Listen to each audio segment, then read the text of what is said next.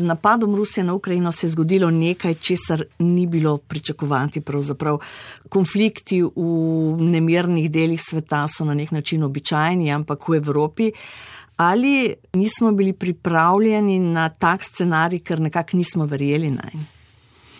Ja, jaz mislim, da nismo bili. Ne. Moram reči, jaz osebno res nisem mislil, da je v leta 2022 možno, da pride do tacga, pa če hočete, brutalnega napada ene države na drugo v Evropi. Ne. In eh, jasno, ta, ta, ta stvar, ki se je zgodila, jaz bi rekel, dramatično menja uh, situacijo ne samo v Evropi, v svetu.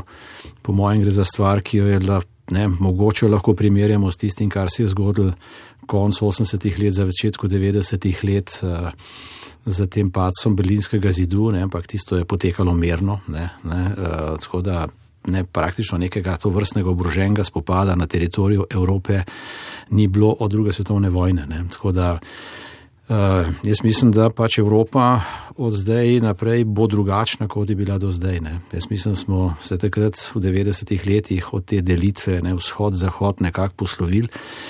Eh, je pa dejstvo, da očitno se vzpostavlja neka nova, neka nova eh, delitev, ki ni samo evropska, ne, eh, ampak očitno prehajamo tudi na nivoju, bi rekel, sveta v neko novo ureditev. To pa ni zdaj samo zdaj po tele vojni, ne, ampak v bistvu se to nakazuje že, že kar nekaj časa. Ne. Verjetno tem političnim delitvam predvsem sledijo gospodarske ali pa tiste so najpomembnejše, ne v Evropi, sedaj Mačarska, preprosto v konflikt celo z Ukrajino. Indici se približujejo Rusom. Zopet jaz mislim, da treba to stvar pogledati širše. Ne? V bistvu svet po drugi svetovni vojni je bil nekako vzpostavljen, pa govorim in politično in gospodarsko, na nekakšen način, v katerem so združene države imele neko vodilno vlogo. Ne? Um, in v tem smislu je bil tudi vzpostavljen tisti ekonomski red z mednarodnimi inštitucijami kot zelo pomembnim elementom. In še ena stvar, ne, ta red je temeljil na nekih, če hočete, dogovorjenih pravilih igre. Ne, se pravi, šlo za nek pravno urejen svet, jasno, ta svet so vzpostavljali ta močni, ne, ampak posel se pa teh pravil več ali manj kar tudi oni držali. Ne.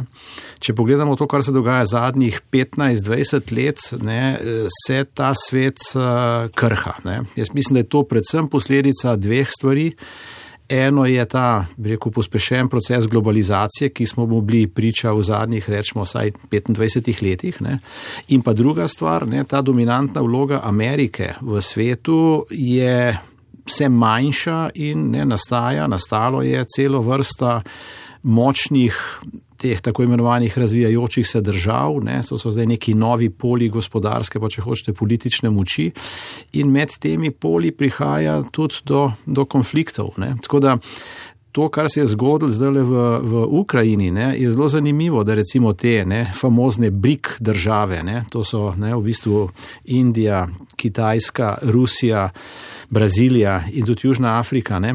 Če pogledate, ne, praktično nobena od teh štirih držav, jasno Rusijo, klej izključujemo, ne, ni jasno obsodila tega, kar se je dogajalo.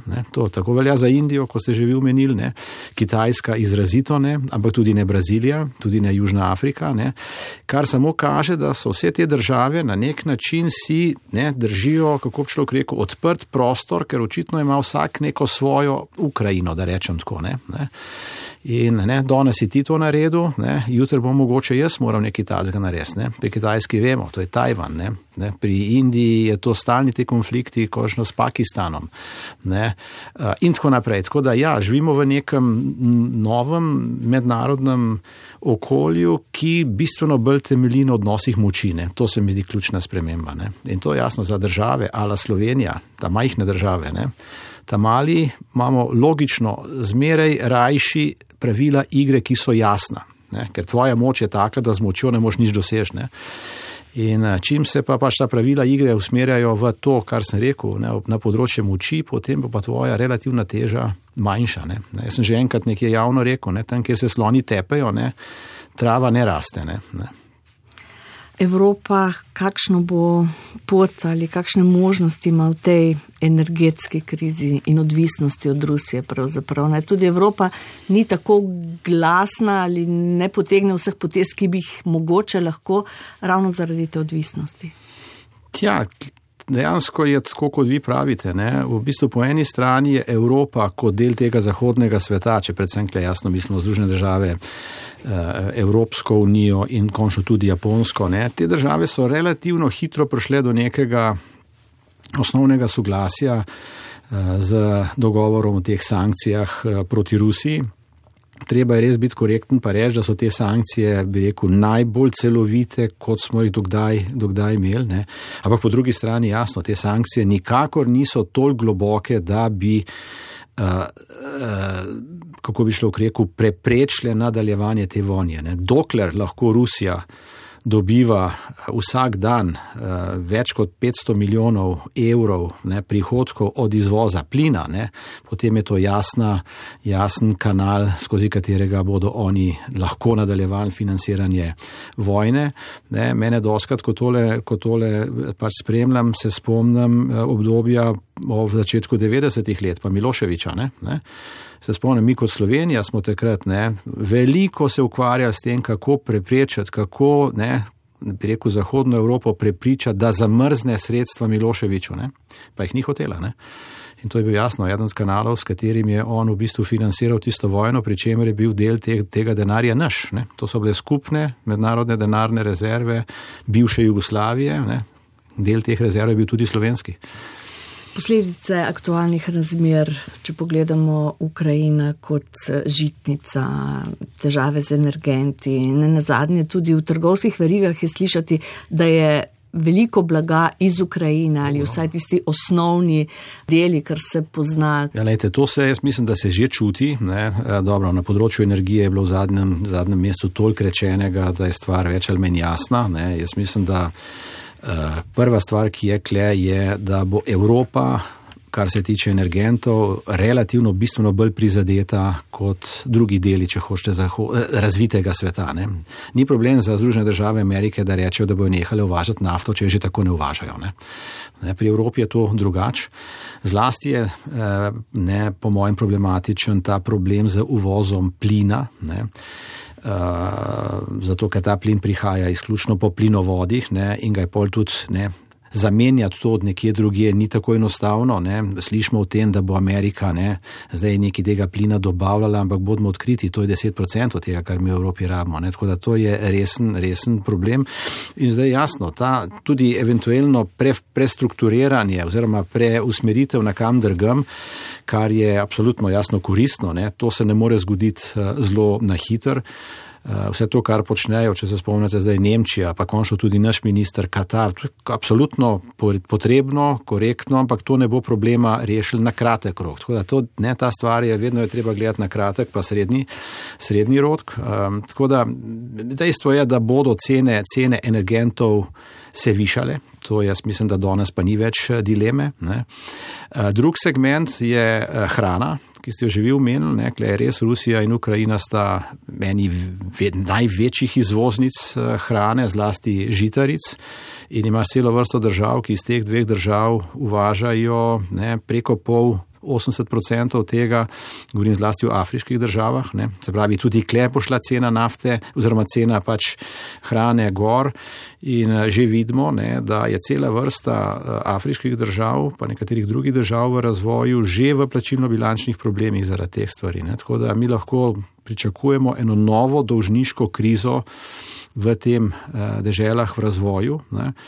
Eh, kar se tiče pa razvitih držav, je pa še tretji segment, to so pa te različni repromaterijali, strateški materijali za, recimo, ne, danes sem čital v Financial Timesu, problem z izdelavo baterij, ne, problem izdelave baterij, zdaj le v tem kontekstu, kjer prihaja kar precej repromaterijalov za te stvari iz Rusije. Ne je zdaj v čistini novi luči. Po eni stvari v luči ne, novih cen in po drugi strani v luči tega, ali te stvari sploh bodo prišle do nas. Ne. Tako da ta vprašanje neke strateške avtonomnosti, ki jo je Evropa postavljala ne, že rekel, v lanskem letu, ne, jaz so rusko krizo dobil, jaz bi rekel, popolnoma nove, eh, nove dimenzije. Eh, globalizacija se verjetno, saj v tej obliki, ki smo jo poznali v zadnjih 30 letih, zaključuje. Tam, če se spomnite, ne, so v bistvu firme šle praktično za par evrov, pa dolarjev na drug konc sveta, ne, ker so stvari tako rekel. Ne, tudi transportne, logistične stvari dosti dobro funkcionirale. Ne. Zdaj bo jasno, ne, ta element stroškovne učinkovitosti bo še vedno kle, ne, ne, ampak bodo nekateri drugi elementi postali bistveno bolj pomembni. Ne, ja, ne, to zdaj, ne, zdaj postaja bistveno bolj pomembna varnost, ne, varnost teh dobav, ne, to, da mi jaz to dobo, tudi če mečkam draži. Ne. In s tem smo mogli pač navaditi živeti, pomeni pa to jasno tudi višanje cen. Ne inflacija in um, posledice, ki jih to pač pomeni. Še čisto morda na kratko, da ostanemo v Evropi, s čim se bo morala tole Evropa kot skupnost soočiti, kateri so v tem trenutku največji izzivi za prihodnjega pol leta.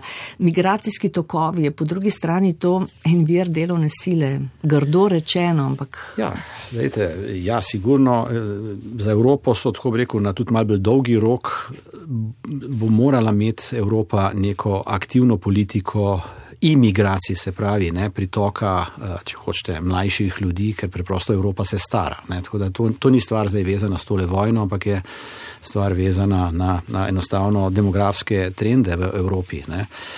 To, s čimer se bo pa Evropa eh, morala ukvarjati, je pa mečken podobno v nekaterih elementih tismo, s čimer se je morala ukvarjati, takrat je evro padel v krizo. Ne. Če se spomnite, takrat je bila evro praktično na tem, da bo razpadel. Ne. In takrat je bilo vprašanje, če ne bo evro razpadel, ne, se pravi, ga je treba bistveno spremeniti. Ne. In če smo odkriti v zadnjih desetih letih, to, kar se je naredilo na področju upravljanja z evrom, je dramatična sprememba. Ne. Ne, evro območje je danes bistveno bolj robustno, kot je bilo in bistveno bolj stabilno. Ne. Ne. Tako da kle smo mi, če hočete tisto finančno krizo, je Evropa dosti dobro izkoristila. Ne. Zdaj smo pred nekim podobnim izzivom, ki je po mojem še večji, ne. to je ta energetska odvisnost in po drugi strani tudi obrambna odvisnost. Ne. Ali ima Evropa to moč, da bo tudi na teh področjih naredila nek uh, velik uh, za, za, za neko veliko spremembo? Ne. Eh, bomo videli. Ne. Eh, je pa ta sprememba pač pomeni ne, eh, večanje energetske neodvisnosti. To je takoj povezano z to ambicijo Evrope k brezoglični družbi. Ne. Se pravi, imamo že dva kanala, po katerim ne, se bomo soočali z višanjem pritiska na cene. Ne. In po drugi strani konc je tistega obdobja, kjer je Evropska unija, pa Evropa v celoti, temeljila svoj, če hoče, tudi razvoj na praktično zelo nizkih izdatkih za obrambo. Ne. Mi smo, če hočete, obrambo outsourcali Ameriki, ne, NATO. Ne. Zdaj tega je danes, kot vidimo, konc. Ne, mi bomo morali več nameniti, eh, ne samo sredstvo za lastno, var, za lastno varnost, ampak preprosto bojo morale biti evropske, evropske stvari kle prioritetne. Predstavljate si, da prije do nekega cirkusa v Aziji, ne, je jasno, kam se bodo tu Združene države Amerike usmerile. Ne. Tako da, eh, če bo hotla Evropa ne, solidno ustajati v prihodnosti, bo morala to svoj obrambni potencial eh, povečati, pa ne govorim samo materialnem, ampak čisto enostavno tudi v upravljalskem smislu in tako naprej. Ne po COVID-u, po epidemiji in enormne količine denarja, ki so bile usmerjene v reševanje na nivoju Evrope in tudi posameznih državah, ta čas se kar podaljšuje. Res je, ne? pred tole ukrajinsko krizo ne, je bilo nekako kar precej že jasen ta, ta, kaj se bo dogajalo v naslednjih mesecih. Ne? Eh, bilo je več ali manj jasno, da bodo centralne banke, ne, in tudi govorim jasno v Evropski centralni banki, da bo počasi izšla iz teh izrednih razmer. Ne, bilo je že več ali manj tudi jasno, da bo nekje v, proti koncu leta prišli do nekih prvih povečanj obrestnih mer. Ne. In še ena stvar, ne, bilo je dogovorjeno, da se z naslednjim letom vrnemo na na fiskalna pravila. Ne, se pravi, jasno je bilo, da bo z letom 2023 nek nov makroekonomski ukvir za funkcioniranje držav članice Evropske unije. Ne, po mojem mnenju, ta ukrajinska kriza te stvari postavlja pred, pod vprašaj, zlasti ta fiskalni segment. Ne. Uh, jaz uh, moram reči, da ne bom presenečen, če bo prišlo do nekega dogovora, da se ta fiskalna pravila, ki so zdaj trenutno zamrznjena, ne, ne, da se ta status zamrznjenih fiskalnih pravil ne, podaljša še za. Kakšno obdobje. Mislim, da na monetarni strani Evropska centralna banka ob teh inflacijskih trendih ne, uh, mislim, da uh, je prvič je v zelo neprijetni situaciji, ne, tudi nima nekih hudo velikih uh, alternativ, kaj narediti. Ampak po modem bojo oni morali vendarle jeti v to odpravo teh izrednih ukrepov in počas tudi v povečanje obrestnih mer. Tako da ne, osnovni pritisk bo na fiskalni strani. Ne. In kje bomo, bomo prišli, jaz sem po mojem sam vprašanje časa, kdaj bomo prišli do diskusije o nekem novem finančnem paketu na EU nivoju. Ne, ali pa ta, ki smo ga sprejeli, ne, ki, je, ki je bil sprejet kot začasen, da bo postal mogoče mečken manj začasen. Ne. Tako da, eh, ja, na tem makroekonomskem področju je to je en segment EU-ja, drug segment je pa ta energetska ne, stvar, kako se v bistvu pripraviti za naslednjo zimo. Ne. Jaz mislim, tole zimo bomo že prebrodili. Ne, ne samo finančno, ampak predvsem. Ne, energetsko, preprosto, odkje bomo dobivali energente. Ne, ne. Eh, pri čemer je jasno, da bodo ti energenti dražji, kot, kot so zdaj. Ne. To je pa jasno. Slovenski proračun delimo usodo vseh drugih, ali smo morda še na slabšem? Pa, lejte, jaz mislim, da je Slovenija velikem delu, tudi kle, kot je bilo pri COVID krizi, ne deli pač usodo večine teh, jaz mislim, drugih evropskih držav, pri čemer je vendarle treba reči, da je kle po mojem centralna in vzhodna Evropa zdaj le, ne, pa kle po to centralno, kle mislim tudi Nemčijo, ne, je relativno bolj prizadeta kot države, ne, da rečem tako, bolj na zahodnem delu Evrope. Ne. Preprosto so bolj odvisne od energentov iz Rusije kot ena Španija, Portugalska. Ne. Tako da kle je mal, kle je mal razlike, ne, zato tudi po mojem, ne, eventualna prekinitev teh energentov. Ne, bo prizadela naše glavne trgovinske partnerje. Ne? In za nas bo v bistvu, če bi do tega prišlo, bo glavni, glavni negativni efekt padel skozi to, ker bodo ti partnerji morali se drugače obnašati. Ne? Mi vemo točno, če v Nemčiji gre ne, stopnje gospodarske rasti mal dol, je to zelo hitro čutimo pri nas. Ne. Tako da ne, to, kar je po mojem, mo, moje osebno videnje tega je, jaz sem bil že jasno pred, pred tole, fina, tole krizo v Ukrajini in kot rečeno, noben ni veril, da bo do nje prišlo. Ne, ne. Pač je moje mnenje bilo, da Slovenija pele predvsej uh, tvegane javne finance. Ne. In uh, to zdaj ta kriza, po mojem, ne, bo sam pokazala, da je temu res tako. Ne, ne. Ni slučajno, da se zdaj le v bistvu imamo tok diskusije o tem, kakšne so makroekonomske projekcije umarja. Ne. Makroekonomske projekcije umarja bi morale biti takšne, kakršne umar pač analizira, izračuna, ima najboljši potencial, da to, da to pač naredi. Ne. In zdaj, ko slišim, se to kar umika seje vlade, ne, zato ker naj ne bi bili zadovoljni s temi projekcijami. Ne. Mislim, to je pač jasno kaže na neko zagdrego, da ne, če bo padec ne, te gospodarske rasti nižji, bo se pokazalo, da so te ne, proračunski dokumenti. Ne, Še bolj, še bolj ne bi rekel, ambiciozni, kot, kot so bili že preden je prišlo do te vojne predvoljivni čas, obljube, večja delitev denarja, sredstev, ugodnosti, kot bi morali biti bila v času izven tega volivnega obdobja. Bo to še bolj ogrozilo recimo prihodnje proračune? Tukaj predvsem mislim na davčne spremembe, ki so uh, bile. No, jaz sem bil do davčne reforme ne, uh, že kar večkrat predvsej jasen, ne, da jaz se v osnovi strinjam, da je v Sloveniji delo preveč obdavčeno. Ne. Tako da osnovna logika, da se gre skozi davčno reformo v to, da se zmanjšuje obremenitev dela, je pravilna. Ne. Je pa absolutno za mene nespremljivo, da se to dela v tem trenutku in da se dela ob popolni odsotnosti nekih spremljevalnih davčnih ukrepov, kjer bi se neki dodatni veri eh, prihodkov generirali. Govorim zlasti stvari na področju obdavčitve kapitala in, in končno, če hoče nepremičnin. Ne. O nepremičninah govorimo deset let, ne. Ne. stvar je tehnično pripravljena, ampak jasno, noben noče narediti, ker je nepopularna. Ne. In uh, da pa ti zdaj sam rečeš, da okay, bomo zmanjšali obdavčitev dela, ne? na drugi strani pa ne boš nič naredil. Ne? Ne? Gre pa samo v tisto stvar, o kateri jaz govorim, ne? da gre za tvegane stvari. Ne? Mene preprosto ta argumentacija, ne? da bo pa gospodarska rast okvišja, izkušnje iz prejšnjih desetletij kažejo, da temu pač ni bilo tako. Ne? Pika. Ne? In pač eh, bomo nažalost plačali višjo ceno, ko se bomo morali prilagoditi, kot bi jo bili sicer. Še eno stvar bi rad pokomentiral. Ne. Zelo radi govorimo o tem, ne, da ima Slovenija javni dolg, ki je pod povprečjem Evropske unije. Točno je, ne, ne. ampak nobeden pri tem ne pove, da je Slovenija leta 2013 prišla na rob bankrota, ko je imela javni dolg 45% bruto domačega proizvoda, kar je pomen, da je bilo ne samo daleč pod povprečjem EU-ja, bilo je daleč pod mastrijskimi kriteriji, pa če hočete daleč pod še čem. Ne? Zakaj smo prišli na rob bankrota? Ker so preprosto finančni trgi ocenjujejo to stvar po nekih svojih metrih in neka 60 ali pa povprečje EU-ja za njih preprosto ni meter. Ne? Mehne države preprosto morajo biti na fiskalnem področju bolj previdne kot velike.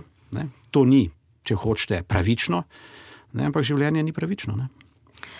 Ali so v tej predvoljeni kampanji naslovljeni pravi problemi Slovenije, predvsem na področju financ, pokojninska reforma, proračun, zapiranje in to? Nekaj soočenj je bilo slišati politiki, da z veliko obljubami nastopajo pred voljivci. Ali se vam zdi, da se dotikajo, dotikamo pravih problemov? No, jaz, če sem čisto odkrit, teh le soočen, prav hodo dost ne gledam in tudi uh, nimam namena, da bi jih hodo dost gledal. Eh, približno programe poznam, ampak vemo pa, da v bistvu v Sloveniji se odločati slušati na programih, kot vemo, niti ni neka hudo, hudo uh, dobra odločitev, ker vemo, da se potem po volitvah stvari zelo hitro spreminjajo, pa da ne bilo le nesporazuma za koga, govorim več ali manj za vse, za vse, za vse stranke. Ne. Tako da jaz mislim, da bo bistveno bolj važno po volitvah, ko se bo delala koalicija, ko se bo delala koalicijska pogodba, kaj bo tam noter. Ti se mi zdi, da bo bolj bolj relevantno. Ne. Jaz mislim, da kdorkoli zdaj, ki govori dosto o tem, kaj na gospodarskem področju je, po mojem, to zelo zdaj ne, uh, nepredvidljivo, ne, ker noben točno ne ve, kaj se bo dogajalo s tole vojno. Ne, ne. Če se bo ta vojna relativno hitro končala, pa je to en scenarij, ki bo čist drugačen od tistega, če se bo ta stvar nadaljevala nek daljši, nek daljši čas. Ne. Uh, druga stvar, ne. Uh, gre za stvari, ki bodo vezane z tem odgovarjanjem na EU nivoju glede, glede monetarne in fiskalne politike. To so stvari, kateri mi so odločamo, ne, ampak se bo dogajala, kako bi šlo v reku, predvsej mimo nas. Ne. Tako da te zunani dejavniki bodo zelo močno determinirali, kar bomo mi če hočete, morali početi. Ne? Ne, zakaj kaj govorim? Če bo prišlo k ledu nekih uh, ostrih fiskalnih pravil, pa smo mogli mi zelo hitro fiskalno prilagajati. Ne, ne pozabiti, ne, da je Slovenija po oceni Evropske komisije ne, največji strukturni primankljaj od držav članic evroobmočja. Ne, ne, tisti, ki poznamo, kaj to pomeni, pol približno vemo, kaj to pomeni, če se bo treba enkrat bolj na hitro uh, prilagajati. Ne. Uh, tako da natančno, kaj se bo dogajalo, je težko reči. Ne. Zelo jasno je to, da se bo morala nova vlada zelo hitro ne ukvarjati s temle, s temle uh, sistemom plač v javnem sektorju, ne, ne, ker to, kar je prvič na eni strani, je stvar zdaj le razsuta ne, in po drugi strani je pa to daleč ali pa, no, pa ne, največja izdatkovna postavka v proračunu in kle bo treba neki, neki, neki narediti. Ne. To je ena stvar, kjer bo treba zelo hitro narediti. Te stvari, kot ste vi omenili, ne, pokojninska, uh, zdravstvena reforma, jasno, to so stvari, ki pa. Žal, po mojem mnenju, ne bodo prišle uh, na mizo zelo hiter. Uh, zaradi, mislim, zelo hiter govorim, ne, recimo do konca letošnjega leta, uh, preprosto uh, zaradi, zaradi uh, nekih stvari, ki so bolj urgentne. Ne, so bolj urgentne. Vidimo, da ta vlada ne, zelo daje velik poudarek na, na, na investicije. Ne. Eh, kar je v osnovi, kar je v osnovi prav. Druga stvar je, ne, kjer imam jaz več problemov ne, in sem jih tudi javno povedal, pa tudi dal ne, nekakšne predloge, je za kakšne investicije gre. Ne, za kakšne investicije gre. Ne, govorim o tem nacionalnem programu za obnovo in ukrevanje. Ne, tudi končno zdaj le se še kohezijska politika programira. Ne, jaz upam, da se bodo nekatere napake, ki so bile po mojem mnenju narejene v nacionalnem programu, ne, tukaj delno vsaj korigirale, ne? ampak bomo videli. Doktor Mojmir Mrak, hvala. Hvala vam za povabilo.